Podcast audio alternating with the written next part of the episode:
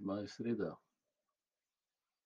Danes nadaljujemo z Jezusovim poslovilnim govorom, z njegovo poroko.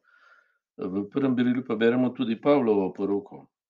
Oba skrbi ali njuno srce izraža to skrb za učence, za tiste, ki bodo po njima živeli dar očetove ljubezni.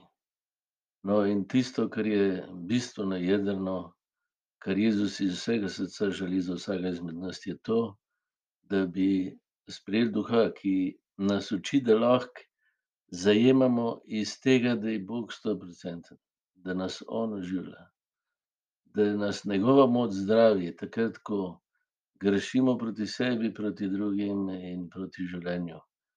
Da nam ni treba živeti iz sebe, ampak iz njegove brezpogojne zvestobe in moči in ljubezni.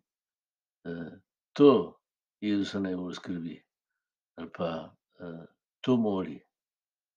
Da bi se mi privezali na očetovo ljubezen. Svetost in popolnost je v tem, da vedno znova zajamem iz tega, da Bog tebe ljubi pa mene ljubi.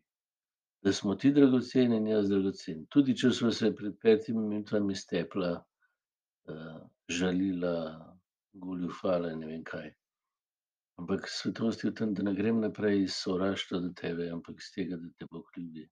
Pa mene tudi, ki me sili skušnjava, da bi ti zameril in se zaprl. In tako zapravil svoje srce, ga utopil, dovolil, da ga zaduši.